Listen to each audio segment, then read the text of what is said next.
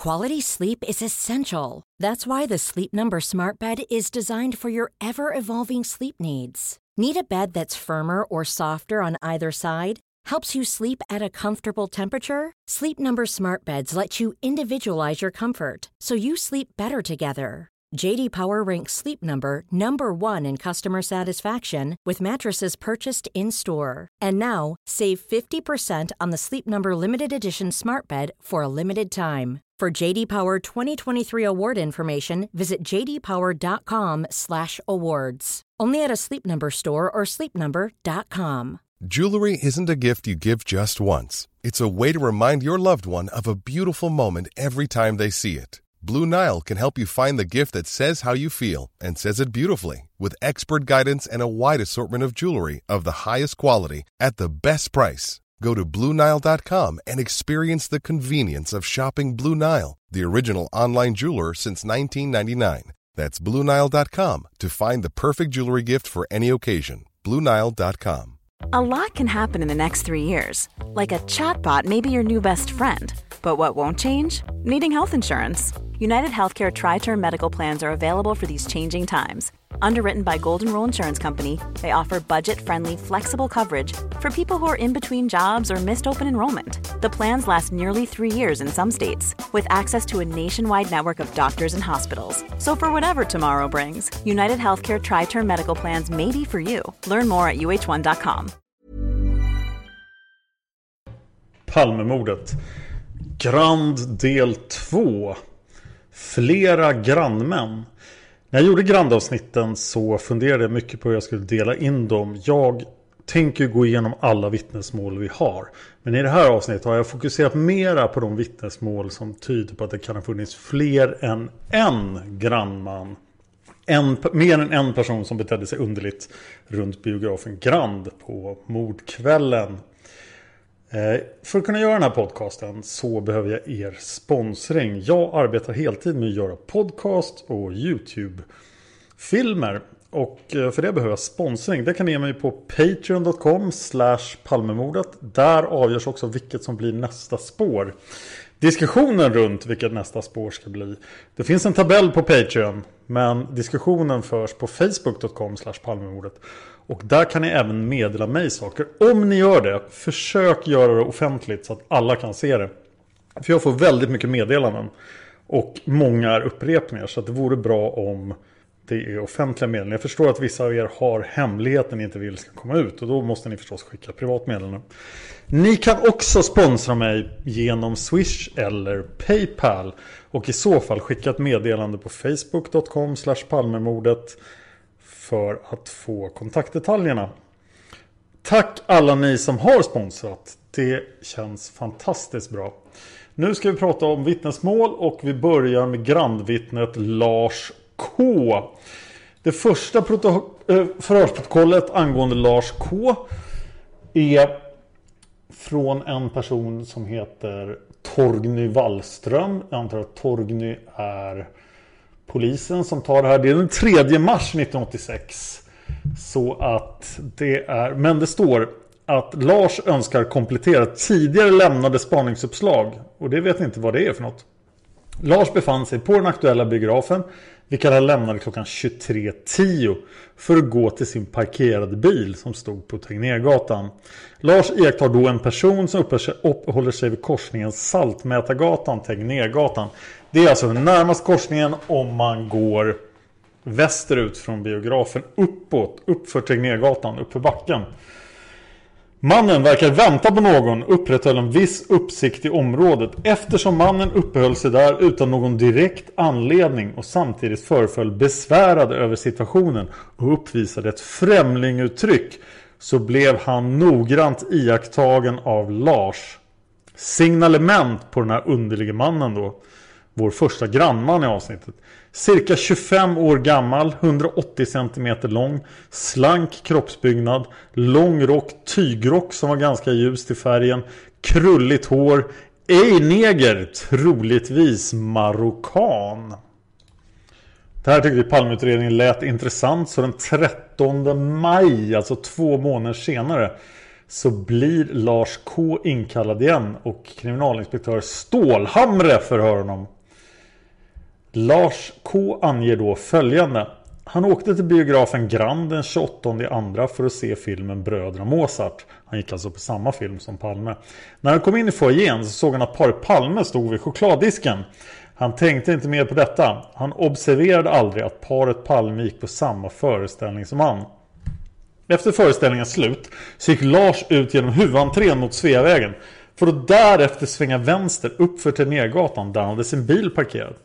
När han passerar korsningen med Saltmätargatan så observerar han en man på andra sidan gatan. Och här är en massa ungefär 20 tecken överkryssade i protokollet. Mannen såg ut som att han väntade på någon. Lars tänkte att det var ett konstigt ställe att stämma träff med någon då det var ganska mörkt på platsen. Mannen var dessutom udda till utseendet. Sen kommer signalementet igen. Lars skulle förmodligen inte känna igen mannen om han fick se den igen. Han la inte märke till något speciellt angående mannens ansikte. I övrigt la inte Lars märke till något speciellt före, under eller efter det aktuella biobesöket. I biosalongen satt knubb, eh, Lars K längst bak.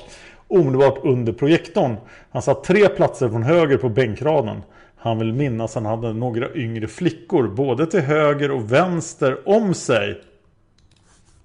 Ja, och så slutar då Holmer hem, eh, jaga kurder och en riktig utredning tar över så att Lars K kallas till vittnesmål igen. Det är den 22 juni 1987. Förhörsledare är kriminalinspektör Hörngren. Här får jag reda på att Lars K är programmerare. Uppgiftslämnaren säger att han tidigare nämnt en person som han såg stående ovanför biografen Grand. Men då var ingen intresserad av den uppgiften. Mannen som stod utanför Grand har uppgiftslämnaren allmän minnesbild av. När han lämnade biografen passerade en man som stod och tittade på biografens reklamaffischer. Han kommer inte ihåg några detaljer i mannens utseende eller klädsel. Men säger att denne var av medellängd och var sportigt klädd i jacka och byxor. Jackan kan ha varit blå. I alla fall gav den liksom byxorna ett mörkt intryck. På huvudet hade han en sportsmössa med skärm. Klädseln såg ut att vara skitkläder i domusk-stil från 50-60-talet. Det betyder alltså att Lars K uppgav även en annan man och det hade tagits bort ur de tidigare protokollen då. Så att Lars K såg alltså först en man utanför biografen. Den här tönten i skidkläder har han beskrivit sen. Och han Lars fortsätter beskriva mannen utanför biografen. I övrigt beskriver Lars mannen som runt 40 och såg ut som en korsning mellan Flexnäs och Björn Gustafsson. Och det är alltså Björn Gustafsson i de gamla Jönssonligan-filmerna, inte komikern. Lite rödmosig och småfrysande. Han stod och ångade lite så han hade troligen värmt sig på något sätt. Han hade inget skägg eller mustasch, ej heller glasögon. På något sätt såg han lantligt fånig ut och gjorde ett töntigt intryck på Lars. Mannen stod alldeles till vänster utanför Grand och Lars passerade honom på nära håll och är nästan helt säker på att inte vara någon biografbesökare. Lars tror inte han skulle känna igen mannen om han skulle se honom igen. Och den här mannen, tönten i skidkläder, han är ju mycket mer lik övriga grannmän som ni kommer att se och även har kanske en viss likhet med gärningsmannen förutom klädseln. Eh, här har även Lars skrivit ett brev och ritat en bild. Där man kan se hans plats på tredje bänkrad, eller på sista bänkraden. Man kan se Lars parkerade bil. Och det här är texten i Lars brev till Palmeutredningen. Det är skrivet den 12 april 1987. Jag har mina tidigare kontakter med spaningsgruppen vittnat om iakttagelser utanför biografen Eh, vid 23.08-tiden. I första hand personen A men även i förbigående personen B. Av skilda skäl bedömer jag det som osannolikt respektive närmast otänkbart att dessa personer tillhört biobesökarna på den aktuella filmen. Det är möjligt att jag har ytterligare minnesbilder av mer trivial natur som ni skulle bedöma som intressanta. Det är svårt för mig att veta. Och det var då brevet där han även ritat ut de två personerna. Så Lars K ser markanen och tönten i skidkläder två grannen och om de här två hade någonting med mordet att göra så kan man ju då bortse från ensamma galningar. Men det är också möjligt att det bara var folk som stod där av någon helt annan anledning. Dagens nästa vittne är Kurt Lidgard. Kurt Lidgard är ambassadör och jobbar alltså för Utrikesdepartementet. Han uppger för B. Jönsson den 4 mars följande. Lidgard anmälde att han på kvällen den 28 februari 1986 hade besökt samma biograf som makarna Palme. De hade stått i samma kö för att köpa biljetter och samtalade därvid med varandra under cirka 10 minuter. Men de gick inte på samma biografföreställning. Enligt Lidgard hade vare sig Palme eller hans hustru fäst någon upp, väckt någon uppmärksamhet bland övriga biobesökare. Det vet vi ju inte stämmer eftersom vi alla märker Palme. Han tror knappast ens att någon observerade paret. Efter föreställningen såg inte Lidgard paret Palme. Föreställningarna slutade vid olika tidpunkt. Och det här var ju väldigt kort och koncist då, men den 30 mars 1987 så är det dags att förhöra Kurt Lidgard igen. Och då är det kriminalinspektör Paul Johansson som gör det. På förfrågan uppgav Lidgard att han och hustrun haft väldigt bråttom till biografen då det var sent ute. Eftersom de först tänkt gå på en film på Luck på Drottninggatan. Men där var det fullt. De halvsprang fram till biografen och gick omedelbart in i foajén. I kön upptäckte de då Olof och Lisbeth Palme. De samtalade sedan med varandra fram till dess att de fick sina biljetter. Lidgard och hustrun gick på den film som hade ett japanskt namn. Och det vet ju vi då att det var Ran. Lidgard hade inte gjort några iakttagelser utanför biografen. Dagens tredje vittne är Mikael Å. Mikael Å förhörs den 10 mars 1986 av K. Lundgren. Mikael var tillsammans med sin fästmö Lena boende i Uppsala ute på mordkvällen. De hade bestämt träff med några kamrater på restaurang Tre Backar. Mikael kom inte ihåg adressen till Tre Backar varpå han beslöt att uppsöka en telefonkiosk för att titta i en katalog. På Sveavägens jämna sida vid Tegnérgatan, diagonalt från biografen Grand, finns en telefonkiosk. Och dit gick Mikael. Telefonkiosken är en glaskiosk. När Mikael närmar sig telefonkiosken tycker han sig se en man inne i telefonkiosken. Men när han kommer närmare ser han att mannen står utanför telefonkiosken vänd i riktning mot biografen Grand. Mikael går in i telefonkiosken. Men aktuell katalog saknas varför han går över Sveavägen till en telefonkiosk som är belägen där. Han finner adressen till Tre Backar och går dit tillsammans med sin fästmö. De hittar inte kamraterna varför de beger sig till restaurang Källaren Tegner innan mobiltelefoner. Mobiltelefoner är väldigt praktiskt sajter till att bestämma träff med folk förr i tiden. Mikael och fästmön stannar där endast ett kort tag och går sedan till bilen vilket parkerad ett st kort stycke därifrån. När de lämnar restaurang Källaren Tegner tittar Åström på sin klocka vilken visar 23.06. Mikael uppger att han var vid den första telefonkiosken klockan 22.50 någon gång mellan klockan 22.50 och 22.55. Mannen som Mikael observerade utanför telefonkiosken såg ut som han hade tråkigt och som han väntade på någon. Beskrivning av mannen. Han såg mörk ut, iklädd mörk jacka med kapuschong vilken låg rullad som en korv i halsen. Guldfärgade glasögon och framskjutande haka. Den 27 mars 1986 är det dags för inspektör Per Gustafsson att ta ännu vittnesmål av eh, Mikael som för övrigt jobbade på Sveriges Radio. Uppföljning. Mikael slutade sitt arbete vid Sveriges Radio under kvällen 28 februari vid 22.30 tiden. Han hämtade sin fästmö Lena. Och hon bor konstigt förvirrande nog på Tegnérgatan i Uppsala. Och de åkte iväg en orange Ford Taurus. Taunus för att besöka restaurang Tre Backar. De åkte Sveavägen fram till Tegnérgatan och vidare in på Döbelsgatan där de parkerade. De parkerade några meter in på Döbelsgatan och i kvarteret mellan Tegnérgatan och Kammakargatan. Mikael uppskattar att klockan då var 22.50. Då de inte kände till adressen till restaurangen så gick de för att leta efter en telefonkiosk för att slå upp adressen i telefonboken. De gick tillbaka till Tegnérgatan, korsade nämnda gata och fram till Sveavägen. I korsningen Sveavägen Tegnérgatan och på motsatta sidan av biografen Grand så fanns en telefonhytt. Mikael skulle just gå fram till hytten när han observerade en man där. Han fick först uppfattningen att mannen befann sig inne i telefonhytten men såg sedan att denne stod utanför och lutade sig mot telefonhyttens sida.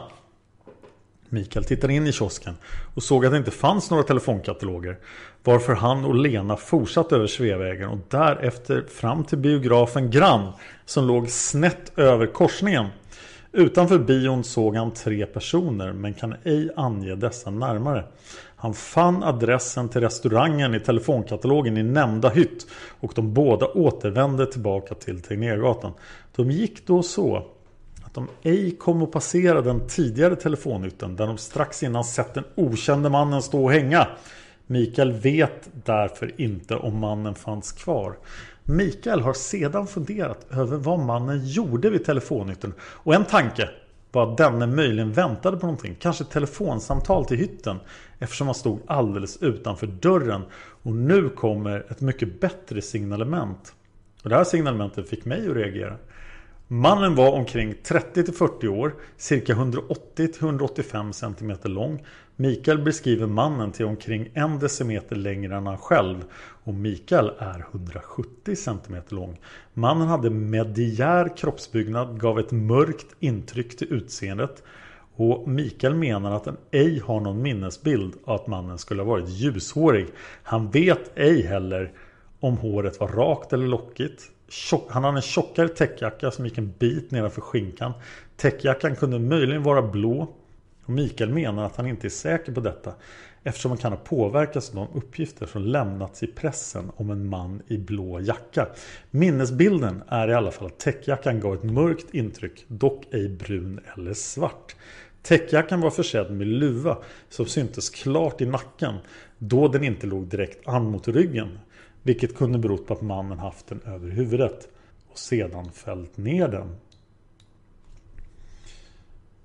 Eh, mannen hade ett par guldfärgade glasögon med fyrkantigt glas. Mikael fick uppfattningen att glasen var mindre än normalt, dock ej så kallade små läsglasögon. Mannen hade ett något kantigt ansikte med en haka som sköt fram en aning. Beträffande jackan så tillade Mikael att det inte verkade vara någon nyare märkesjacka utan en mera alldaglig täckjacka. Täckjackan verkade vara tjock. Mikael och Lena gick sedan till restaurang Tre Backar men vände strax därifrån. De fortsatte tvärs över gatan vid Tegnérgatan och tittade i en annan restaurang varefter de gick tillbaka till bilen. Mikael tittade då på klockan då han tänkte att de skulle åka till en kamrat för att klockan, och klockan var 23.06 när de satte sig i bilen. De pratades vid en kort stund vart man åkte Döbensgatan upp förbi Johannes kyrka och vidare till höger ner på Apelbergsgatan. I korsningen Apelbergsgatan Sveavägen stannade de in ett kort ögonblick och tittade in i skyltfönstret till butiken Dekorima. De fortsatte sedan Sveavägen fram till korsningen med Tunnelgatan där de svängde vänster och in på nämnda gata. Mikael observerade ingenting ovanligt utanför butiken Dekorima eller under färden in på Tunnelgatan. Ja, det fanns ju mycket han kunde se där om man lyssnar på andra vittnesmål. Den 14 april bedömer spaningsledningen att Mikaels vittnesmål är intressant och de kallar in dem igen och det är Stålhamre som tar upp det här vittnesmålet. Mikael uppgav att han endast observerade den aktuella mannen några sekunder. Han såg aldrig hela ansiktet på mannen utan endast från sidan. Avståndet var två meter. Mikael uppgav att han inte skulle känna igen mannen om han såg den igen med tanke på den svaga minnesbild han har om mannens utseende. Den 17 april 86 klockan 20 så träffar Rolf Rambo ser det ut som att det står ur Palmeutredningen. Han träffar Mikael vid Grand. Och där pekar Mikael ut platsen där telefonkiosken är belägen. Han visade var mannen hade stått och i övrigt hade han ingenting att tillägga till vad han övriga hade sagt. Så här är då en grannman som hänger på andra sidan gatan och tittar mot Grand. Och det här signalementet är ju innehåll i detaljer som vi känner igen. Dels från gärningsmannen och vi kommer även att se det igen på andra grandmän, eh, andra vittnen från Grand. Jag reagerar speciellt på den mörka jackan med kapuschong. Men den ska vi komma tillbaka till när vi pratar om 33-åringen. Nästa vittne är Gudrun W. Hon förhörs den... Eh, ja, det här protokollet är från den 4 december 87, vilket känns ju väldigt sent. Hon förhörs av M. Andersson. Gudrun uppger att hon tillsammans med två väninnor från Arboga var på biografen Rialto den 28 februari 1986. De såg 19-föreställningen av Tillbaka till framtiden. Föreställningen var sannolikt slut någon gång efter 21. Men det är inget som Gudrun kan komma ihåg idag. Biografen Rialto ligger på Sveavägen 114 och de hade sin bil parkerad i parkeringshuset vid NK dit de begav sig till fots. De körde sedan Hamngatan, Klarabergsgatan till centralstationen. Där Gudrun hoppade av men de andra fortsatte bil till Arboga. Gudrun bor under veckosluten i Märsta. Gudrun gick sedan och satte sig i damrummet, väntrummet på centralen. Efter att hon suttit där en stund kom hon underfund med att hennes nycklar inte låg kvar i kappfickan och hon förmodade att hon hade tappat nycklarna. Gudrun beslöt sig därför för att promenera till Rialto för att se om hon kunde finna nycklarna. Hon gick sedan på Klarabergsgatans norra sida och in på Sveavägen där hon gick på den västra trottoaren. När hon kommer till korsningen Sveavägen-Tegnérgatan tittar hon till vänster upp mot backen av gammal vana. Vanan kommer så att hon vistas där ofta hos en släkting. Hey, I'm Ryan Reynolds. Recently, I asked Mint Mobile's legal team if big wireless companies are allowed to raise prices due to inflation. They said yes. And then when I asked if raising prices technically violates those onerous two-year contracts, they said, "What the f*** are you talking about? You insane Hollywood ass." So to recap, we're cutting the price of Mint Unlimited from $30 a month to just $15 a month. Give it a try at mintmobile.com slash switch. $45 upfront for three months plus taxes and fees. Promo for new customers for limited time. Unlimited more than 40 gigabytes per month. Slows. Full terms at mintmobile.com. Millions of people have lost weight with personalized plans from Noom. Like Evan, who can't stand salads and still lost 50 pounds. Salads generally for most people are the easy button, right? For me, that wasn't an option. I never really was a salad guy. That's just not who I am. But Noom worked for me. Get your personalized plan today at Noom.com. Real Noom user compensated to provide their story. In four weeks, the typical Noom user can expect to lose one to two pounds per week. Individual results may vary. Hey there, it's Michelle Norris. I'm host of a podcast called Your Mama's Kitchen. When I travel, I'm usually looking for a way to find a taste of home when I'm not at home. And one of the things I love to do when I am at home is entertain. And Airbnb allows me to do that. When I was in California recently, I rented a house that had a great kitchen. And when we were sitting around the table, we're all thinking, we're in someone else's house. Someone could be in all of our homes as well. If you have a home, but you're not always at home, you have an Airbnb. Your home might be worth more than you think. Find out how much at airbnb.com/slash host. Hon ser då en man som står i inbuktningen efter grannbiografen. Mannen står och försöker tända en cigarett och han darrar påtagligt på handen som om han var nervös eller drogad. Han ser dock inte ut som en missbrukare av något slag utan är normalt välvårdad. Han försöker tända cigaretten tre gånger innan han lyckas. Mannen beskrivs enligt följande. Cirka 30 till 35 år. Över 180 cm lång. Barhuvad med mörkt hår som var något vågigt och inte direkt kortklippt. Han hade ganska mycket hår. Han hade ett avlångt ansikte som var snarare magert än fylligt. Blek ansiktsfärg, mörka ögonbryn och mörka ögon. Hans näsa var rak och ganska smal. Han var slätrakad och saknade glasögon. Han var iklädd en svart rock av ulstertyp som slutade ovanför knäna. Svarta byxor typ kostymbyxor av normal längd. Fotbeklädnad la inte Gudrun märke till. Någon halsduk la hon inte heller märke till. Gudrun såg mannen snett framifrån och säger att mannen såg bra ut med en välväxt kropp med breda axlar och smala höfter. Beträffande tidpunkten uppger hon att hon har beräknat tiden till 22.35 eh, till 22.40 eftersom hon fortsatte framåt tills hon kom den bit ifrån Rialto. Där upptäckte hon ett hål i fickan och kände att nycklarna ramlat ner i follen på kappan. Hon vände då och gick tillbaka och mannen hade försvunnit från sin plats. Strax efter att hon hade passerat Grand igen tittade hon på klockan och såg att den var strax före 23. Hon konstaterade att hon skulle hinna med tåget mot Märsta som skulle gå 23.15 och fortsatte att gå Sveavägen fram till Sergels torg där hon tog Klarabergsgatan mot Centralen. Hon la inte märke till något särskilt utanför Grand där det stod några få människor och tänkte inte heller på något särskilt under promenaden mot Centralen. Gudrun uppger att hon kontaktade polisen efter en till två veckor. Men har sen inte blivit kontaktad förrän tidningen Arbetet ringde. Hon säger sig vara mycket förvånad över att Arbetet kände till hennes iakttagelse. Eftersom hon själv inte kontaktat någon tidning. Beträffande mannens nationalitet uppger Gudrun att han möjligtvis kunde vara sydeuropé. Så kanske var han en kurd. Men jag tycker att det revolutionerande det här vittnesmålet är att det ju faktiskt passar in ganska väl på gärningsmannen, vilket få av Grandmannen observationerna gör. Eh, Gudrun blir förhörd igen den 20 april 1989. alltså över tre år efter mordet av Inge Uvemo. Gudrun höres i Palmeutredningen. Hon höres med anledning av tidigare uppgifter hon lämnat om att hon den 28 februari vid cirka 22.35 till 22.40 tiden observerat en man nere på biografen Grand på Sveavägen i Stockholm. Dagen efter mordet, möjligtvis två dagar efter mordet, hörde Gudrun via radio att polisen uppmanade folk som befunnit sig i området kring Grand både före och efter filmföreställningen höra av sig till polisen. I detta skede tänkte inte Gudrun på den man hon sett då hon var ute och letade efter sina nycklar.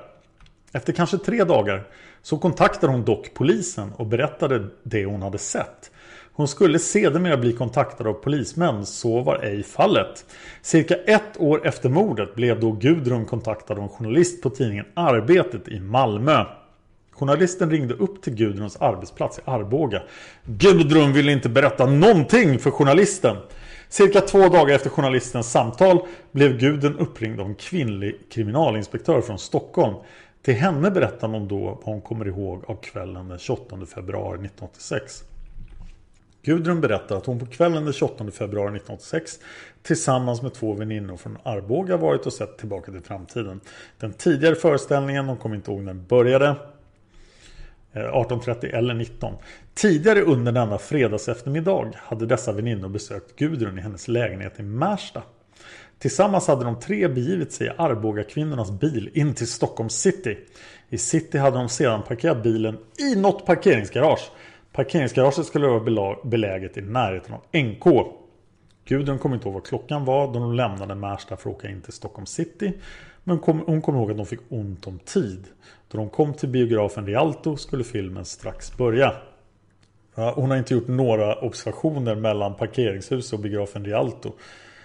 Eh, men då de tre damerna promenerade Sveavägen norrut till biografen Rialto så gick de på Sveavägens västra sida. Gudrun säger att biografen Rialto ligger långt norr om biografen Grand och på den motsatta sidan. Alltså på den östra sidan av Sveavägen. Efter det att filmen Tillbaka till framtiden slutat så promenerade Gudrun och hennes två väninnor åter in till Stockholm city. De promenerade då på Sveavägens östra gångbana i sydlig riktning. Då de närmade stadskärnan så kom hennes två väninnor inte riktigt ihåg var parkeringsgaraget låg där de parkerat sin bil. Gudrun säger att hon kommer ihåg att de vimsade lite innan de äntligen hittade rätt parkeringsgarage. Under sin promenad från biografen och in till stadskärnan efter filmen så gick de och tittade i olika skyltfönster och gjorde sig ingen större brådska. Gudrun tillfrågas om hon gjort någon iakttagelse under den senare nämnda promenaden. Men så var inte fallet utan det var som vilken kväll som helst. Då de tre äntligen hittade rätt på bilen så åkte de i riktning Stockholm central. Där Gudrun steg av för att själv med pendeltåg åka vidare hem till Märsta. De två Arboga kvinnorna fortsatte sin färd hem till Arboga med sin bil. Inne på centralstationen så upptäckte hon då att hon har glömt nycklarna. Och nu blir hon tvungen att gå tillbaka. Eh, hon promenerar Sveavägen norrut på dess vänstra gångbana. Hon säger att hon går sakta och tittar ner på marken för att om möjligt se och finna igen sina nycklar. Då Gudrun är nere vid Grand och tittar ner mot backen ser hon plötsligt ett par ben. Gudrun menar att hon har en faster som har bott på Drottninggatan 106. Hon gick nog och tänkte på detta att det här är platser som hon har besökt ofta. Då med tanke på Tegnérgatan. Hon menar att det kan vara därför hon gick där och tittade lite extra noga samtidigt som hon funderade på sin faster. Nu då hon lagt märke till dessa ben tittade hon upp mot personen och kunde se att det var en man. Gudrun såg mannen på cirka tre meters avstånd. Då hon tittat upp mot mannen så såg hon honom i profil. Han var i färd med att försöka tända en cigarett. Han fick göra flera försök innan han fick cigaretten tänd. Gudrun reagerade på att han darrade så på handen då han skulle tända sin cigarett. Gudrun tänkte för sig själv, undrar om han ska lyckas tända cigaretten. Hon tänkte vidare att mannen kanske är drogad eller nervös. Gudrun menar att hon blev stående där ett tag i närheten av mannen. Och samtidigt som hon iakttog hon så tittade hon även ner på marken. För att om möjligt hitta sina nycklar som hon var ute efter. Hon beskriver mannen som att han såg väldigt bra ut. Och var cirka 182 cm lång. Det var specifikt. Han har ett ganska smalt ansikte, ordinär kroppsbyggnad. I varje fall inte speciellt kraftig. Han saknade skägg och mustasch, okänt hur det var med polisonger. Gudrun uppfattar dock mannens hår till att vara mörkt. Han hade ganska mycket hår, dock utan att man kan anse att han var långhårig. Håret var ej heller lockigt, men det låg ändå bra. Så han kan ha haft lite fall i håret. Gudrun menade att mannen såg prydlig ut. Längsta tiden hon såg av mannen var i profil. Det var inget speciellt hon reagerade på rörande mannen. Förutom att hon tyckte att han såg väldigt snygg ut. Rörande mannens kläder säger hon att han var helt klädd i svart. Han hade en rockig ulstertyp som gick en bit nedanför knäna. Svarta byxor och svarta skor. Sammanfattningsvis åldersmässigt uppfattade Gudrun att mannen var i 35 till 45 års åldern. Rörande mannens ögon säger Gudrun att de var mörka. Sen om de var mörkblå eller bruna kunde hon inte avgöra det i ljusskenet. Men att hon uppfattade dem som varande mörka. Hur ögonen var placerade, om de satt tätt eller var ordinärt placerade i ansiktet tänkte inte Gudrun på. Hon menade dock vidare att mannen kanske inte såg ut som en ordinär svensk. Snarare som en sydeuropé eftersom han var ganska mörk. Hon såg mannen i sken av belysning från Grand samt banken i Grandfastigheten. Hon menade att det var ganska väl upplyst hon gjorde iakttagelsen om mannen. Gudrun lade inte till, märke till om mannen hade någon väska eller liknande. Hon menar vidare att hon, han kanske inte ens såg henne. Eller så ville han inte visa att han hade sett henne. Gudrun tror att hon har gjort dessa iakttagelser under en tid av cirka 10 sekunder. Under dessa tio sekunder och så länge Gudrun stod kvar så fick inte mannen fart på sin cigarett. Gudrun promenerar Sveavägen norrut igen och hittar hålet i sina kläder och sen går hon tillbaka och ser ingenting av intresse. Och mannen är alltså inte kvar när hon kommer tillbaka till Grand ännu en gång. Sen får vi faktiskt Gudruns signalement. Och det har jag saknat i Palmeutredningen. För det är ganska vanligt att man frågar vittnen liksom hur de var klädda då. Så man ska kunna observera. Men jag tror inte Gudrun dyker upp i särskilt många andra vittnesmål. Första mars 1986 på morgonen fick Gudrun beskedet via sin mamma att Olof Palme blivit mördad. Hon tänkte då på att hon själv besökt Sveavägen den kvällen. Gudrun tillfrågas vidare om hon sett någon bild eller förevisas någon bild av den så kallade 41-åringen. Det vill säga Christer Pettersson som idag sitter häktad såsom misstänkt för mordet på statsminister Olof Palme. Det här är ju den 20 april 1989. Hon säger att de enda bilder hon sett det är den maskerade bilden som förevisats i svensk massmedia. Eh, hon har inte bildat sig någon helst uppfattning om det är samma man eller inte. Eftersom hon inte kan Ja, hon har inte sett bilden. Och hon godkänner det här förhörsprotokollet. Så, vem var det som Gudrun såg utanför Grand? Det kan vi inte veta. Men det intressanta är ju att det ja, var det här generella gärningsmannen signalementet. Nästa vittne är Margareta W. Som förhörs av den kvinnliga polisen Monica Andersson den 8 mars 1986. Margareta var på Grand tillsammans med sin pojkvän Bino.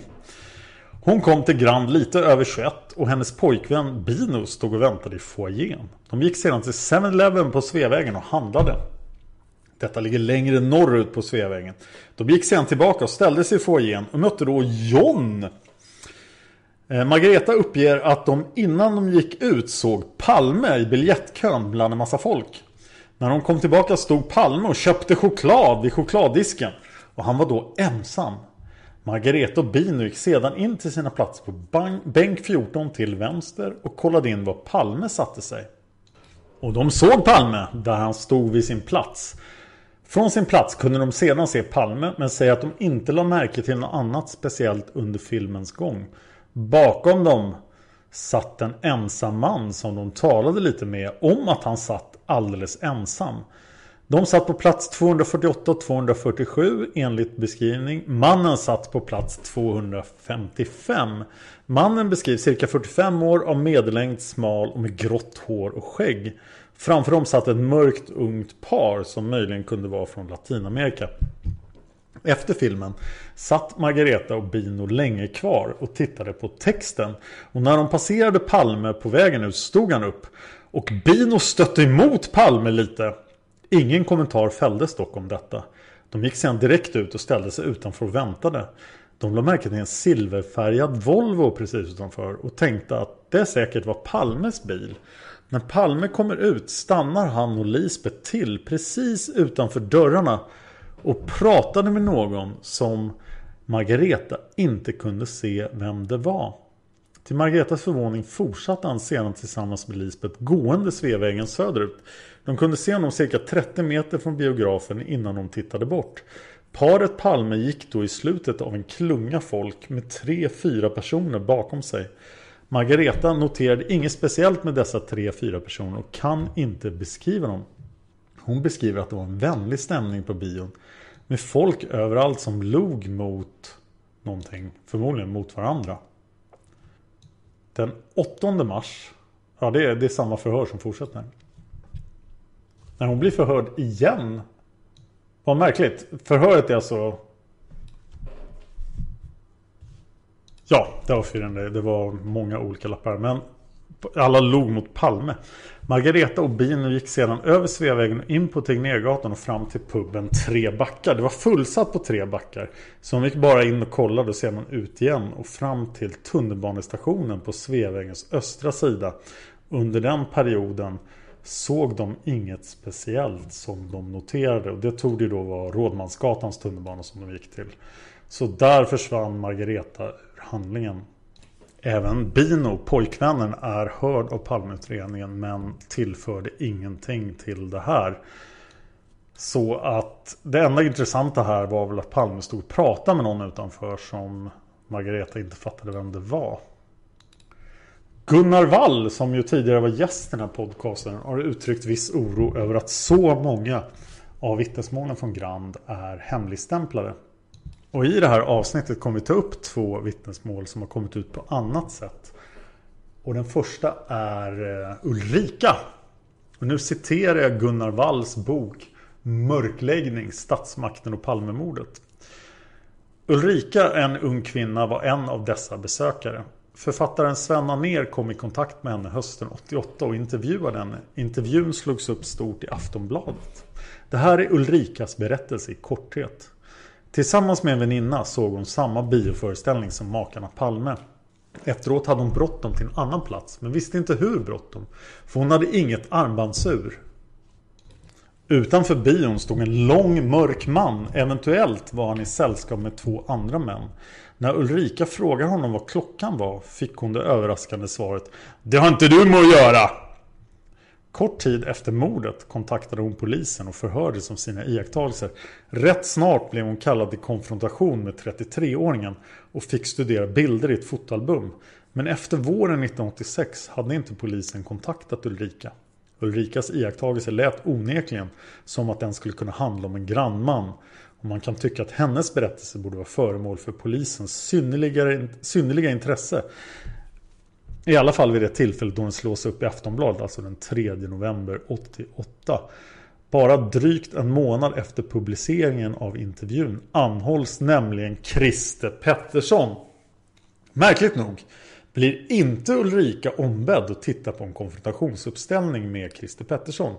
Detta får en journalist på Göteborgstidningen att reagera. När han frågar Jörgen Almblad, som då var åklagare i Palmeutredningen, säger Jörgen att Ulrika visserligen är tillförlitlig, men att utredarna inte tror att den man hon har sett är Christer Pettersson. Jörgen Almblad förklarar sig så här. Jag kan ta ett påhittat exempel. Om vittnet beskriver en man på 165 cm och den vi misstänker och har gripit är en jätte är en konfrontation inte särskilt relevant. Och så kan man ju tycka. Men om mördaren inte alls såg ut som Christer Pettersson kan faktiskt Ulrikas observationer ha utgjort ett strategiskt vittnesmål som undertrycktes för att det inte passade in i åtalet. Jag fortsätter citera Gunnar Wall här. Eh, det tog inte lång tid innan det visade sig att utredarna när omständigheterna uppenbarade sig kunde göra en helt annan bedömning av åtminstone förhören med ett av dessa vittnen. Alltså en bedömning om sekretessfrågan om förhören måste vara hemliga eller inte. Det var nämligen så att skådespelaren Robert Gustafsson intervjuades av Ulf Elving i samband med lanseringen av Gustafssons självbiografiska bok Från vaggan till deadline. Robert Gustafsson är en komiker som ni kanske har hört talas om och han var alltså runt 25 år gammal. Han var med sina studentkamrater och sin kvinna som skulle bli hans hustru också. På samma bio som Palme. Och vi har fått ut hans vittnesmål. Jag återkommer till dem. Jag fortsätter citera Gunnar Wall. Gustafsson berättade för Elving att han varit på bioföreställning med makarna Palme och att han hade sett mystiska walkie-talkie-män i samband med bioföreställningen. Gustafsson själv förklarade att han tolkade sina iakttagelser som stöd för hypotesen att det var poliser som låg bakom mordet.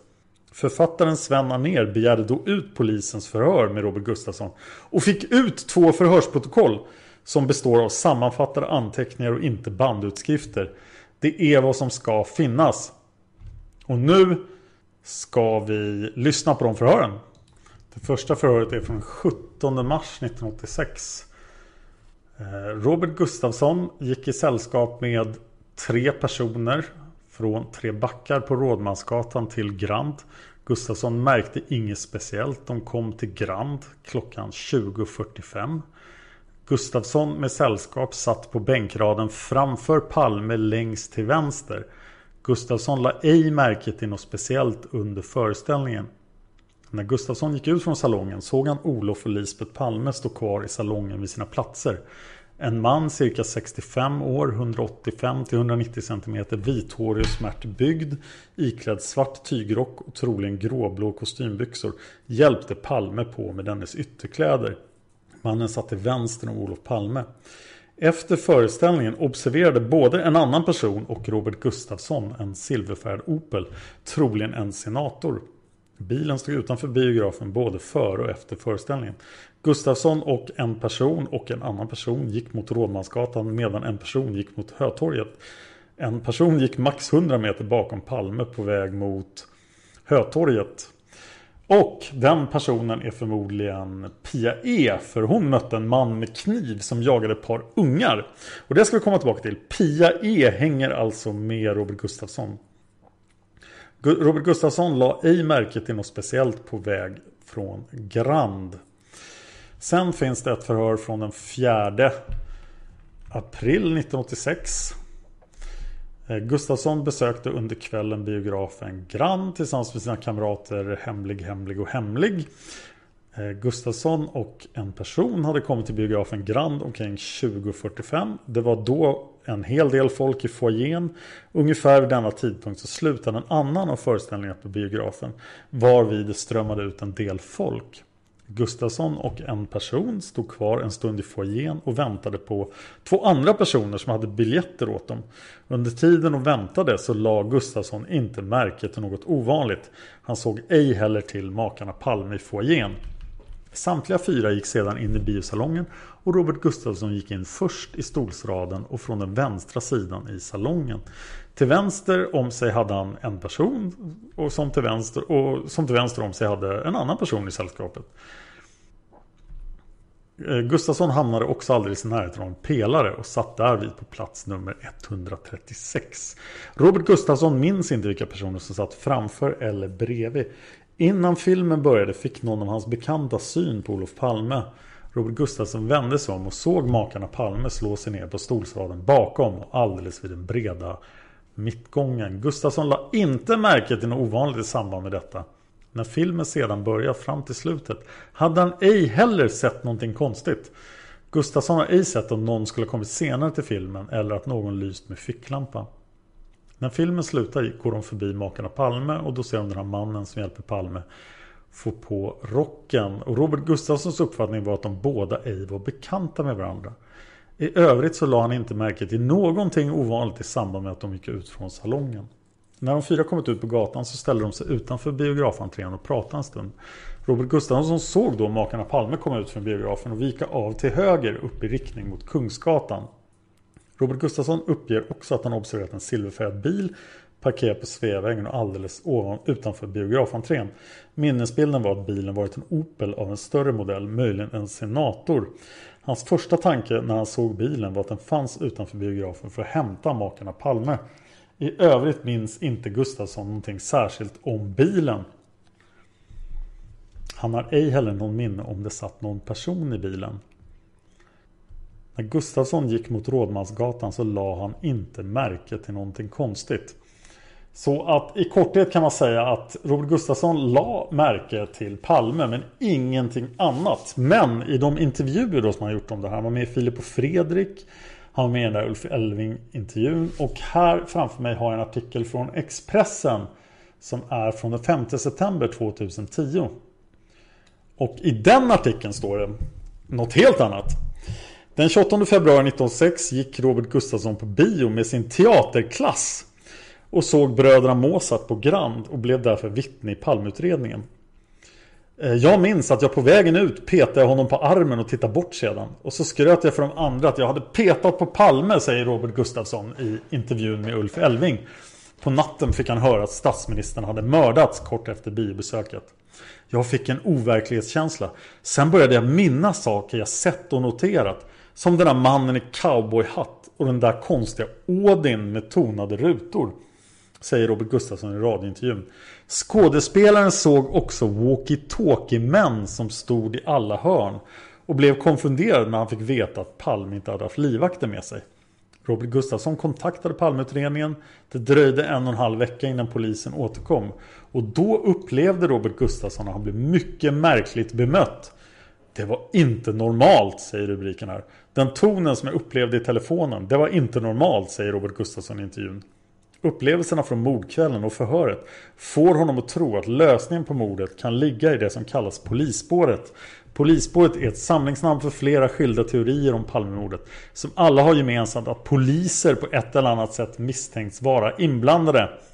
En av teorierna rör de walkie-talkie-män som har iakttagits i samband med mordet och som inte bara Robert Gustafsson har lagt märke till. Och här vill jag säga en sak om walkie-talkie-observationerna. Vi kommer komma tillbaka till dem. De är ett eget spår på Patreon. Patreon.com Palmemordet. Jag har idag då, eftersom jag inte gett in på walkie-talkie-observationerna bara hittat två vittnesmål som tyder på någonting som har med walkie-talkies att göra vid Grand.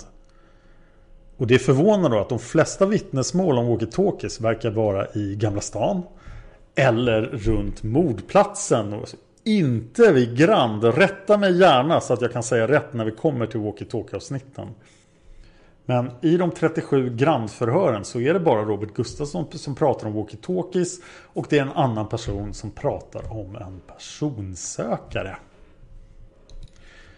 Så förhör med Robert Gustafsson stämde inte alls med vad han har sagt i intervjuerna, vilket ju känns ganska märkligt. Jag ska också göra ett litet utspel här från Gunnar Waller, för Gunnar Wall fortsätter och kommenterar då att de här förhören faktiskt lämnades ut fast de då inte ingick i förundersökningen mot Christer Pettersson. Eh, I det här läget la alltså inte förundersökningssekretessen några hinder i vägen för att offentliggöra tidigare hemlighållet material från grandavsnittet. Berodde det på nya bedömningar från Palmeutredarna av känsligheten i det som stod i just de här förhören? Eller kan det ha spelat in att förhörsprotokollen tyckte sig skäl att avfärda Robert Gustafssons nya dramatiska uttalanden?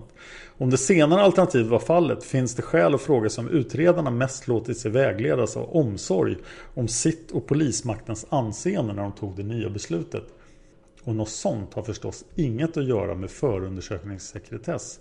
Men kanske berodde det bara på att utredarna tog sig tid att granska just förhören med Robert Gustafsson och fann att det faktiskt inte existerade några rimliga skäl att hemlighålla dem. I vilket fall illustrerar exemplet med Robert Gustafsson att det finns ett problem. Utredarna arbetar utifrån den rutinmässiga inställningen att sekretess mest gagnar deras arbete och bara stundtal till synes slumpmässigt släpper de ifrån sig små delar av utredningsmaterialet. Så länge det fortsätter på det viset kommer ett tämligen tungt dunkel att fortsätta vila, inte bara över mordet utan också över polisens mordutredning. Frågan som måste ställas är om detta väldigt omfattande och extremt långdragna hemlighetsmakeri gynnar mordutredningen eller till och med gör den svårare att bedriva. Och Gunnar Wall är ju då bekymrad över den här stora, stora mängden grandförhör som inte har släppts. Jag ska en gång till nämna Pia E för vi ska träffa henne i avsnitt 4 om Grand. Hon är alltså från det här teaterskolegänget då som går med Robert Gustafsson och hon är 24 år gammal och hon råkar ut för saker när hon kommer ut från bion. Nu kommer vi till ett av mina favoritvittnen från Grand i Malte E. Han förhörs första gången den 11 mars 1986 av K. Lundgren. Malte var tillsammans med sin fru Vivian och hennes väninna Margit. Och vidare makarna Roland och Marie-Louise utanför biografen Grand vid cirka 21.10 tiden. De letade efter en restaurang och Malte gick tillsammans med Roland in på biografen för att titta i en telefonkatalog efter adressen till restaurangen. Tack Google, Hitta.se och alla sådana sidor för att vi slipper göra sånt här. När de går in i biografen observerar de makarna Palme utanför biografen. De stod och tittade in i ett skyltskåp där bilder, bilder från filmen visas. Det fanns ingen telefonkatalog inne på biografen. Varför Malte beger sig till restaurang Cirkeln för att titta efter en telefonkatalog. Det var stängt och Malte återvänder mot biografen. Mellan restaurang Cirkeln och Tegnérgatan står en man. Så han är vänd så att han tittar ut över Sveavägen. Men Malte har ingen beskrivning på mannen. Malte beger sig till restaurang La Concarde på Sveavägen för att söka vidare efter telefonkatalog. När han sedan återvänder till sällskapet utanför biografen Grand har makarna Palme gått in på biografen. När sedan sällskapet går Tegnérgatan upp mot Tegnérlunden Alldeles i början på Tegnérgatan observerar de två män som står vid husväggen.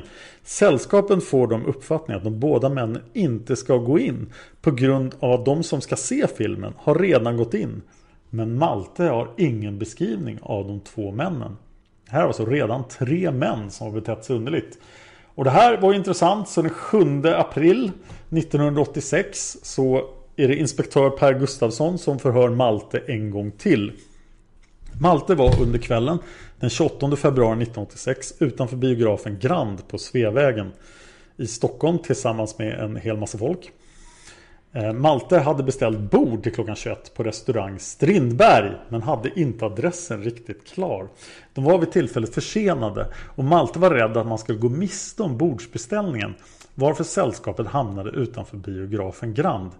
Och där fanns telefonhytter utanför entrén. Han gick in i telefonhytterna och såg då att det endast fanns en katalogdel med namnen som börjar på bokstaven A. Den andra katalogen saknades. Varför han tänkte gå in på biografen Grand och se efter om de hade aktuell katalog. Utanför biografen observerade Malte makarna Palme som stod och tittade i ett skyltskåp som visade valda filmer över de filmer som visas på biograferna. Förutom makarna Palme fanns en hel del andra människor utanför entrén. Men Malte kan inte direkt påminna sig hur de sett ut. Han hade ju ingen anledning att tänka på dessa människor och Malte förmodar att kvällens biofilm ej hade börjat. Han gick in till Grand för att fråga efter telefonkatalog och pratade med en kvinna vid godisdisken. Och fick till svar att man inte hade någon telefonkatalog. Malte gick då ut från bion igen och sa till det övriga sällskapet som då stannade kvar utanför entrén att han skulle gå längre ner på Sveavägen och leta. Han vandrade sedan bort till restaurang Cirkeln på Sveavägen. När han kom fram till entrédörren visade sig att denna restaurang var stängd. Det satt något anslag på dörren som visade att restaurangen var abonnerad till något internt sällskap vart efter Malte återvände till Grand. Han vill minnas att restaurangen låg i samma hus som ABF-huset. Och när han vandrade tillbaka mot biografen stod det en man med ryggen mot ett skyltfönster alldeles utanför HC heminredning. Mannen stod vänd med ansiktet mot biografen Grand och Eriksson gick så att han kom att passera mannen bakifrån. När han var alldeles intill mannen tog denne ett steg ut vilket till, fick till följd att de båda sammanstötte helt lätt. Malte bad om ursäkt men fick inget svar av mannen. När han kom tillbaka så stod det övriga sällskapet kvar men samtidigt hade folk börjat gå in på biografen. Han begav sig då över till La Concarde och hittade telefonkatalogen och fick adressen. Han återvände till de övriga som stod i den så kallade halvmånen vid hörnet av Sveaväng Tegnérgatan utanför biografen. Samtliga besökare till biografen hade nu gått in. Men Eriksson observerade två män stående vid hörnet till biografen. Han observerade männen en kort stund eftersom Eriksson och Sällström stod kvar för att försöka finna ut åt vilket håll de skulle gå på Tegnérgatan. Han menar att det inte fanns någon namntavla som upplyste hur numren går på Tegnérgatan i korsningen de befann sig. Beträffande dessa båda män är minnesbilden att de var mellan 30 till 45 år, omkring 180 cm långa och inte speciellt småväxta. I övrigt kan han inte lämna några andra upplysningar om männen. Beträffande mannen han stött ihop med utanför HC heminredning tidigare så har Eriksson inget minne av mannens utseende. Malte var vid tillfället klädd i en mörk fiskbenmönstrad rock med uppfälld krage. Rocken är knälång och han var barhuvad. Ja, här har ju då Malte sett tre stycken grannmän. Det var inte dåligt jobbat, men det fanns en mycket, mycket intressantare observation som Malte hade gjort som inte kom fram i de tidigare förhören utan kom fram i tidningen Arbetet istället. Så att den 23 april 1987 så är det dags för Paul Johansson att förhöra Malte igen. Och det här är då från förhörsprotokollet. I en tidningsintervju i Arbetet har framkommit att Malte iakttagit en man på den restaurang han med sällskap besökte på mordkvällen som hastigt lämnat restaurangen vid 23-tiden. Inledningsvis uppgav Malte att det i tidningsartikeln vinklat som att han skulle ansett att polisen visat ointresse för hans tidigare uppgifter. Men så är inte fallet. Han hade helt enkelt inte haft mer att lämna angående sina iakttagelser utan biografen, utanför biografen Grand. Den här senare uppgiften hade han då tyckt var helt ointressant. Fram till han hade läst i tidningen om män med walkie-talkies. Som angivits i tidigare tips besökte Malte restaurang Strindberg på Tegnérgatan mordkvällen. De hade beställt bord till klockan 21 men de var cirka 20 minuter försenade eftersom de hade ränt fram och tillbaka och försökt hitta en telefonkatalog. Det hade varit lite folk på restaurangen och de fick ett bord invid ett fönster. Någon gång efter dem anlände en man som fick ett bord mitt på golvet. Ungefär vid 23-tiden hörde Malte ett pip från det håll mannen satt. Och denne tog då fram ett föremål av ungefär en plånboks storlek och tittade till på den. Vartefter han hastigt reste sig och lämnade restaurangen. Enligt Malte var föremålet mannen tog upp större än de personsökare han sett. Eftersom mannen då varit föga intressant för Malte kommer han endast ihåg att mannen inte hade varit påtagligt ung eller påtagligt gammal Troligen var han iklädd kavaj. Maltes hustru hade också sett mannen men hon hade inte heller gjort några närmare iakttagelser. De övriga i sällskapet hade suttit med ryggen mot mannen och inte sett honom överhuvudtaget. Och det här är då den enda, förutom Robert Gustafssons walkie-talkie-observation eller personsökarobservation då som man kan konstatera. Men Maltes vittnesmål tyder väldigt mycket på att det inte var en ensam gärningsman. Då. Om inte allt är slump, om inte bara det här är tre personer som har betett sig underligt utanför biografen och den här mannen då som hade någon jättestor personsökare. Men om han var inblandad i komplotten, varför hade han inte en vanlig personsökare? Bara? Hur vanliga var personsökare 1986? Det har jag ingen uppfattning om. Jag trodde inte det fanns då.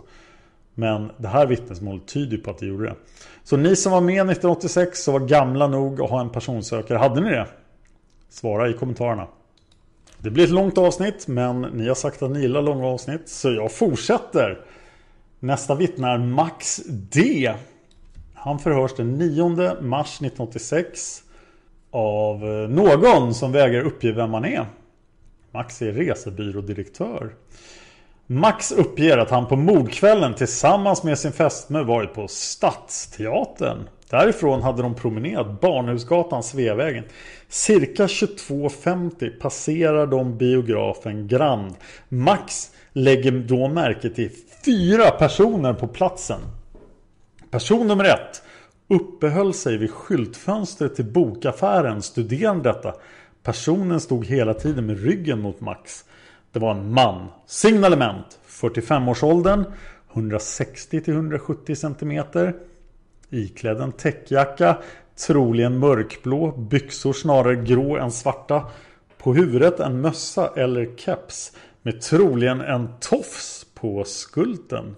Max observerar även person nummer två. Kvinna som uppehöll sig vid en parkerad personbil. På väg att stiga i eller ur densamma. Bilen var parkerad framför fönstret i bokaffären. Signalement kvinna festklädd iförd päls. Hon kändes inte så misstänkt. Men Max observerar även person 3 och 4. Två män i 30-35 års åldern med arabiskt utseende som uppehåller sig i och vid telefonkiosken på platsen. Den ena i kiosken, den andra utanför kiosken. Samtalande med varandra. Arabiskt utseende och kurdiskt utseende kanske. De kanske, kanske var kurder. Max blir förhörd igen. Och den här gången blir han förhörd av kriminalinspektör Börje Wingren. Legendarisk för sitt dåliga polisarbete. Och vi kommer att syna Börje Wingren i detalj i avsnitten om 33-åringen. Det här är då följande eh, nya uppgifter efter att Max har kontaktats per telefon. Person nummer ett. Denne man ser inte Max i ansiktet på grund av att mannen hela tiden står och tittar in i skyltfönstret. Och det här är beteende som vi kommer se igen i andra vittnesmål om just den här mannen. Den beskrivning han gjort vidhållen idag och på uppslagsskrivarens fråga om mannens huvudbonad beskriver den samma som något bullig och försedd troligtvis med någon slags tofs. Och vad Max uppger så bör densamma vara försedd med skärm. Det är alltså inte bara en keps utan någon konstig mössa med skärm och tofs. Person nummer två. Kvinnan som uppehåller sig vid bilen anser Max inte ha med någon annan av de nämnda personerna att göra. Detta borgar han på kvinnans klädsel som inte på något sätt överensstämmer med i stil med någon av de andra. Person nummer tre och fyra. Här ändrar sig Max i så måtto att endast en av dessa män hade arabiskt utseende. Han var iklädd en knälång rock som Max inte minns färgen på. Han såg i övrigt snygg och prydlig ut. Den andra personen vid telefonkiosken var typiskt svensk. 175-180 cm lång, sandréfärgat hår och bar stålbågade glasögon. Han var iklädd svart skinnjacka och mörka byxor. Mannen bar också en svart eller mörk axelremsväska. Max tror inte dessa två hade någon som helst samhörighet med mannen vid skyltfönstret.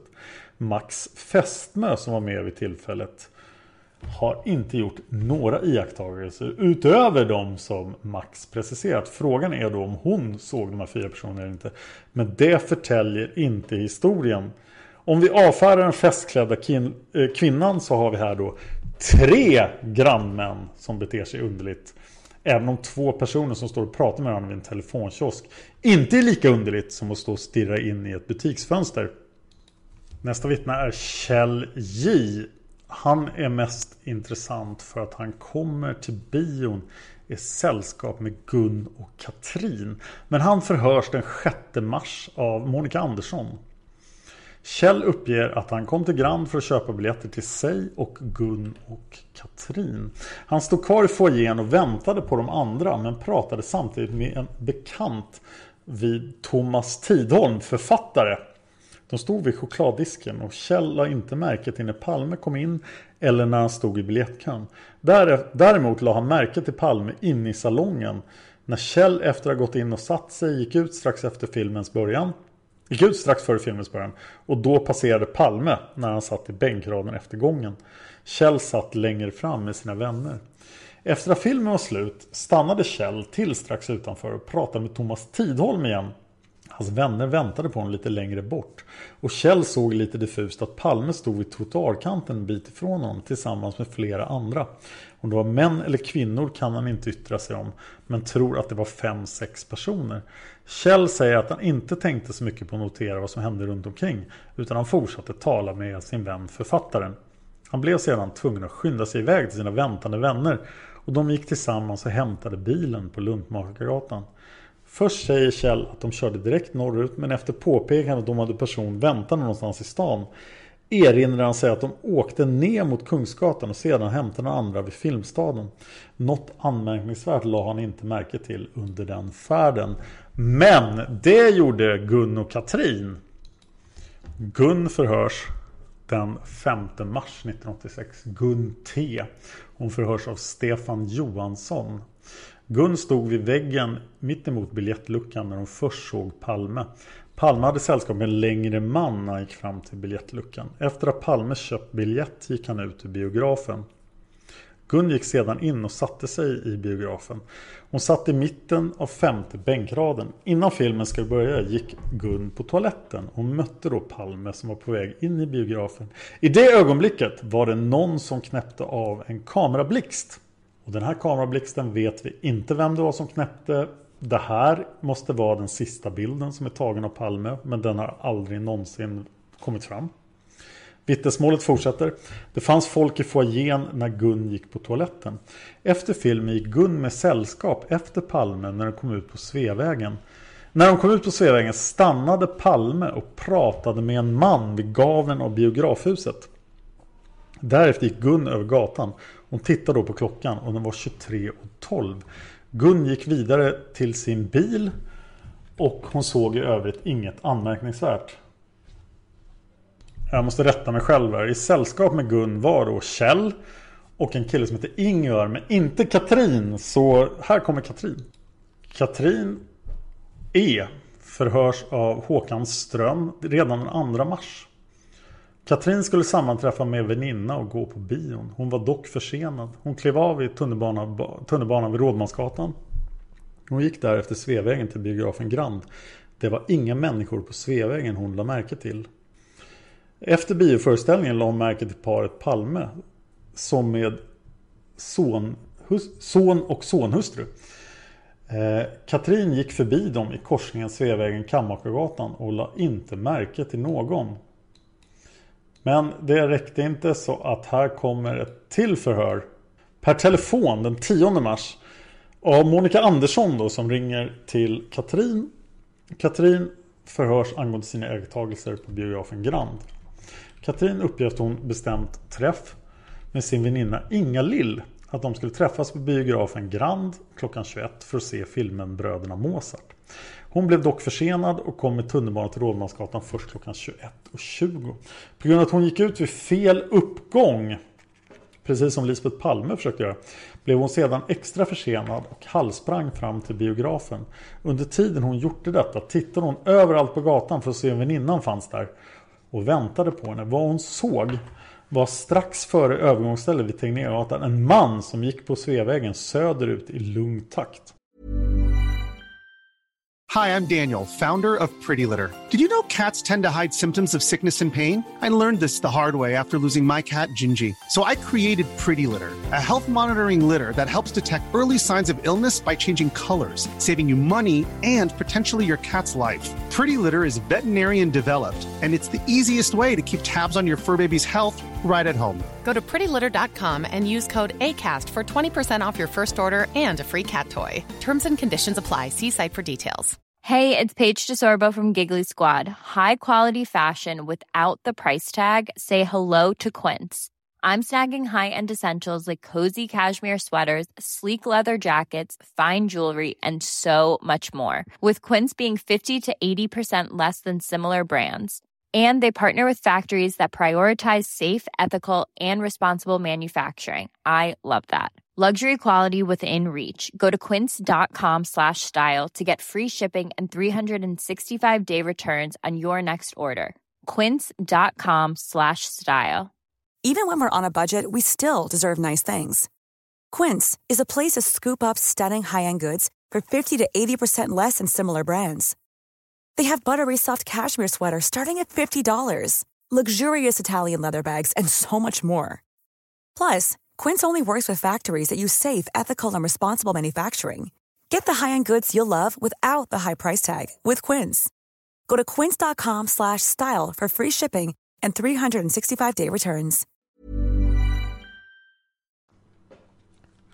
När hon närmar sig biografens ingång passerar hon en kvinna som vände sig oroligt om då hon hörde Katrins snabba steg och därefter gick in på biografen och in på toaletten. När Katrin kom in i biografens foyer var där tomt. Hon gick fram till flickan vid chokladdisken och frågade om det fanns något meddelande där. Hon blev hänvisad till kassan där hon ställde samma fråga. Men då blev hon hänvisad till vaktmästaren som just kom ut från salongen. Vaktmästaren hade hennes biljett som väninnan hade lämnat innan hon gick in. Katrin gick sedan in i biosalongen och satte sig ytterst på bänk 5 till höger. Närmast henne så var det två tomma platser. Till vänster där en ung kille som hon inte närmare kan beskriva. Hon la märke till att det var en kille med anledning att han tittade upp på grund av när hon satte sig sparkade hon till en tom burk. Den plats hon hade biljett till var plats 131 på bänk 7. Katrin uppger att hon inte la märke till några andra rörelser i foajén eller på väg in i biografen samtidigt som hon själv. Hon la heller inte märke till paret Palme. Efter filmens slut var Katrin en utav de första som reste sig och gick och ställde sig vid biografens utgång. Precis till höger innanför dörrarna. Där stod hon iakttog noggrant alla utpasserande för att upptäcka sin väninna. Väninnan kom ut rätt sent. Och Katrin hade dessförinnan inte lagt märke till paret Palme. Därefter lade hon märke till Olof Palme som stod ungefär vid chokladdisken ute i foajén strax efteråt. Väninnan och Katrin gick och ställde sig utanför dörrarna och stod där en stund och Katrin rökte en cigarett. Under tiden såg hon att det var en strid ström av folk som gick mot Tegnérgatan. Efter en bra stund kom Lisbeth och Olof Palme och gick upp höger på Sveavägen, det vill säga Sveavägen söderut. Utanför biografen fanns dock ett flertal människor i klungor. Katrin och hennes väninna började gå Sveavägen söderut. En bit ner på gatan stod Olof Palme med ryggen mot väggen till ett hus och Lisbeth Palme stod en bra bit ifrån honom vänd mot Palme. En man iklädd en beige rock stod ganska nära Olof Palme och talade med denne. Ekström säger att mannen var klädd i en beige lång rock som såg lite buffig ut. Hon kan inte närmare beskriva rocken men säger att det inte var kamelhålsulster utan snarare en rock i trenchcoat-färg. Hon kan ej säga något om mannens hårfärg och säger att det är möjligt att han hade mössa på sig men kan inte närmare beskriva någon mössa heller. Hon beskriver för övrigt mannen såsom lång men såg aldrig hans ansikte. Där fanns också en flicka stående där och denna flicka hade någon form av huvudbonad. Beträffande mannen så uppfattade hon honom som ganska ung. Och hon fick den uppfattningen att mannen Olof Palme hade någon dispyt av något slag. När hon fick beskedet att Palme var mördad och var därför hennes första tanke att det var Palme att det var Palmes son. Hon tänkte då stackars pojke som haft ett bråk med sin far precis innan dennes död. Katrin och hennes väninna passerade sedan de fyra i sällskapet av Kammakargatan upp till Drottninggatan. Där erinrar hon sig att de mötte två flickor. De gick sedan Drottninggatan söderut och hade tänkt att gå in på ett ställe och dricka öl. Men blev inte insläppta. De fortsatte Drottninggatan och passerade Tunnelgatan där allt var lugnt. De fortsatte sedan fram till Kungsgatan där de stod i korsningen Kungsgatan-Drottninggatan och pratade en liten stund. Ekström uppger att de tittade längs Kungsgatan både öster och västerut eftersom de stod och diskuterade vart de skulle gå. De, ja, resten av vittnesmålet innehåller ingenting vettigt. Men just det här att Palme var i bråk med någon. Kommer ihåg i Guns vittnesmål då pratade Palme med någon utanför. Och här får vi ett signalement då som inte alls stämmer på Mårten Palme. Det naturliga är ju att anta att det här var Mårten Palme och Ingrid och hans flickvän. Men eh, ja, bråk och så här, det säger inte Mårten Palme någonting om. Och vi ska återkomma till honom. Men om det skulle vara någon annan än Mårten Palme, då måste ju Mårten Palme ha varit kvar i bion. Och eh, här refererar jag återigen till Gunnar Wall som kommenterar den här händelsen på följande sätt på sin blogg. Så nu citerar jag Gunnar Wall. Jag tittade i förhören med Mårten Palme från förundersökningsprotokollet. Där finns ingenting som tyder på att han kom ut senare än Lisbeth Olof. I Börje Wingrens förhör med Mårten som hölls tidigt på morgonen den 1 mars heter det till exempel gemensamt hade de fyra sällskap ut från biografen. Och i Rikskriminalens förhör med Mårten Palme från den 18 april 1986 heter det samtliga fyra gick ut och ställde sig ungefär mitt på trottoaren. Förhören med Mårtens flickvän Ingrid innehåller inte heller något om att hon och Mårten skulle ha kommit ut senare. Det här utesluter inte att Mårten i ett annat sammanhang kan ha förtydligat sig med att Olof och Lisbeth kom ut några ögonblick före han själv och hans flickvän. I Rikskriminalens förhör med Lisbeth våren 1986 finns en passus som möjligen ger ett visst stöd för detta. Där står efter filmens slut gjorde Lisbeth och Olof Palme sig ingen brådska utan inväntade Mårten och hans fästmö. De gick alla fyra sedan gemensamt ut från salongen. Det är möjligt att detta ligger i närheten av sanningen utan att vara riktigt korrekt. Och att Lisbeth och Olof i själva verket väntade på Mårten och Ingrid foajén. Och de gick ut för dem när de såg att ungdomar var på väg. I vilket fall finns det en skillnad mellan de här två kvinnornas vittnesmål, alltså Gun och Katrin. Och vad som var berättat av Lisbeth Palme och Mårten Palme. De senare inte sagt något som tyder på att Palme hade en dramatisk konfrontation med en man på trottoaren. Lars Borgnäs kommenterar detta i sin bok En iskall vind drog genom Sverige. Oavsett vad som är rätt är det betecknande att utredarna omedelbart valde bort Guns och Katrins versioner till förmån för familjen Palmes. Så vitt känt har aldrig familjen Palme konfronterats med Gun och Katrins uppgifter. I en objektiv och förutsättningslös brottsutredning måste alla pusselbitar prövas och inga möjligheter uteslutas av känslomässiga skäl. De efterlevandes minne, iakttagsförmåga eller ens sanningsenlighet kan inte göras till något som står höjt över allt tvivel. Slut citat Gunnar Wall och vi går vidare till vittnet Anders H. Anders H förhörs den 20 mars 1986 av Anders Nordström. Anders H vill berätta om en kvinna vid namn Birgitta W som var på biografen Grand och såg skjutföreställningen. Polisen hade tidigare varit i kontakt med henne. Hon hade efter föreställningen sett en man i foajén som hon tyckte uppträdde underligt. Den mannen hade hon sedan på söndagen 2 mars sett på en tunnelbana vid Slussen på väg in mot stan. Birgitta finns för närvarande i Rom. Birgitta har enligt Anders nu gjort teckningar på den man som hon såg på bion. Och enligt hans mening finns det stora likheter mellan den bild som varit publicerad av tidningarna av 33-åringen. Hon tycker att polisen ska kontakta, eller han tycker att polisen ska kontakta Birgitta igen. Eftersom Birgitta gjort dessa teckningar. Han säger också att Arbetet sannolikt kommer att publicera en artikel om Birgitta. Alltså den 21 mars 1986. Så Anders grej är att han tipsar om Birgitta W, konstnärinnan som har målat bilder av en man som beter sig underligt utanför Grand. Och det låter ju jätteintressant så vi kommer ägna hela nästa avsnitt åt Birgitta W, hennes vittnesmål och hennes bilder av mannen utanför Grand. Eftersom Birgitta är av de viktiga vittnena i rättegången mot Christer Pettersson. Birgitta kommer att gestaltas av min vän Cecilia som gör podcasten Yogist som kommer med i nästa avsnitt.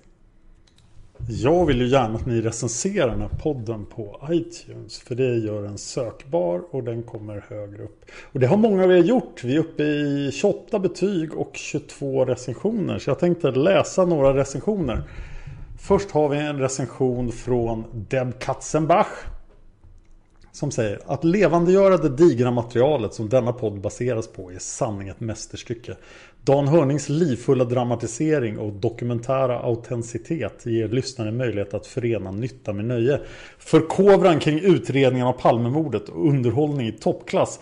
Fantastiskt! Jag vill höra mer och mer och mer och fem stjärnor i betyg. Tack så mycket Deb Katzenbach. Nästa recension kommer från Låghalt som också ger mig fem stjärnor med rubriken Ruskigt bra. Tack för det Låghalt. Och Låghalt säger Ge dig två minuter att vänja dig vid berättarsättet så är du nailad sedan. Två tummar upp och extra cred för att det är precis, precis lagom mycket egna kommentarer. Keep up! Oj! Börjar rodna nästan. Nästa kommentar kommer från Wick Rules. Han säger nördigt och intressant som rubrik och fem stjärnor. Nörda ner sig totalt i Palmemordet och är man intresserad ska man absolut lyssna på denna podcast. Ljudet har blivit bättre med tiden. Det var skönt att höra för jag har gjort ganska mycket för att försöka förbättra ljudet. En till recension från The Espresso Cat, Jacob. Jag tror att det är samma person som har retweetat en massa avsnitt. Så extra tack för det. Fem stjärnor igen! Fantastiskt intressant podd att lyssna på när man spelar Football Manager. Det hade jag inte riktigt tänkt på. Men eh, Jakob fortsätter. Dan är oerhört påläst och lyfter upp många olika spår. Vissa mer kända än andra. Blir bara bättre och bättre ju flera avsnitt Dan spelar in. Märks att han är van att spela in poddar. Tack för det. Det här blir pinsamt. Alla vet bra. Men här kommer en med bara fyra stjärnor av Namlili. Och eh, rubriken Vad alla bör ha koll på. Mycket lättlyssnad podd om Palmemordet och alla dess spår. Skulle kunna lyfta rejält om avsnittet om bajonettdådet kopierades till fler spår. Alltså att det skulle ha blivit flera avsnitt. Jag trodde ni ville ha långa avsnitt. Och det var ett ganska långt avsnitt, men inte lika långt som det här. Jag vill fortfarande ha synpunkter på hur långa avsnitt ni vill ha. Nu, nu kör jag på minst en halvtimme, men upp till ja, en och en halv. När programledaren har någon att sparras mot som är lika insatt som han själv så är podden helt klart en femma. Ja, och det håller jag med om. Och om Patreonen kommer upp lite högre så att jag kan ägna mer tid åt det här. Då kommer jag att göra en stor ansträngning att ha flera gäster i podden. Men då pratar vi runt 300 dollar i alla fall per avsnitt. Eh, jag hoppas Gunnar Wall ska komma tillbaka i september och jag har skickat en förfrågan till en annan som inte har blivit besvarad. Ja, nästa, här har vi en till femstjärnig recension som bara säger mycket intressant av Likström och fem stjärnor. Tack för det. Sen är det Almost Sve som ger mig fem stjärnor och säger fantastisk podd, bra snack och bra material. Keep it up. Sen kommer Res231 som säger fantastiskt, fem stjärnor. En mycket bra och intressant podd som verkligen grundligt går igenom allt som har med mordet att göra. Dan berättar med humor och inlevelse om allt från vittnesförhör till galna konspirationer. Och jag har inte börjat prata om galna konspirationer. Enda negativa är att vissa avsnitt är ganska korta. I mitt tycke en perfekt podd runt timmen lång, annars mycket bra. Jag är ledsen Res 231 för att det här avsnittet kommer att bli mycket längre än eh, en, eh, en timme. Och det var alla nya recensioner jag har fått. Och nu inser jag att jag kan inte se vilka som är patrons I vilken ordning ni har kommit in Om jag ska se om ni vill bli tackade eller inte. Så jag kommer att skicka ett snabbt tack Till alla patrons som vill ha tack. Det får man välja på Patreon. Men innan jag gör det så ska jag tacka Tobias H För hans alldeles speciella hjälp. Så tack Tobias H. Du vet vad det handlar om. Sen vill jag tacka Charlotte Mattias Thomas Andreas, Johan och Håkan för att ni är 5 dollar patrons. Ni får alltså ställa speciella frågor som kommer med på podden. Och det är ingen av er som har gjort den så att ni har den makten. Sen vill jag tacka följande personer som också är patrons som vill ha tack. Det är Jimmy, Martin, Kenneth, Espresso Cat, Kiss and the Cat. Oj, jag verkar vara omtyckt av katter. Av Anders, Pio, Halmstadspodden, Gustav och Karl. Tack så mycket för att ni sponsrar mig på patreon.com palmordet. Och tack till alla er andra som sponsrar mig och inte vill ha tack för det i podden. Nu ska jag faktiskt sluta det här avsnittet. Nästa avsnitt blir väsentligt kortare eftersom jag har en gäst. Det var inte helt logiskt men det blev kortare. Jag ska bara nämna att jag finns på Twitter som att Dan Horning och jag finns på Facebook som Dan Hörning. Och ja, Palmemordet finns ju också på Facebook. Okej, nu ska jag sluta. Tack för att ni lyssnar. Vi kommer att stanna kvar på biografen Grand ett tag till. Och sen ska vi titta på Patreon vilket som blir nästa spår. Men Grand är viktigt och här händer det mycket. Hej då.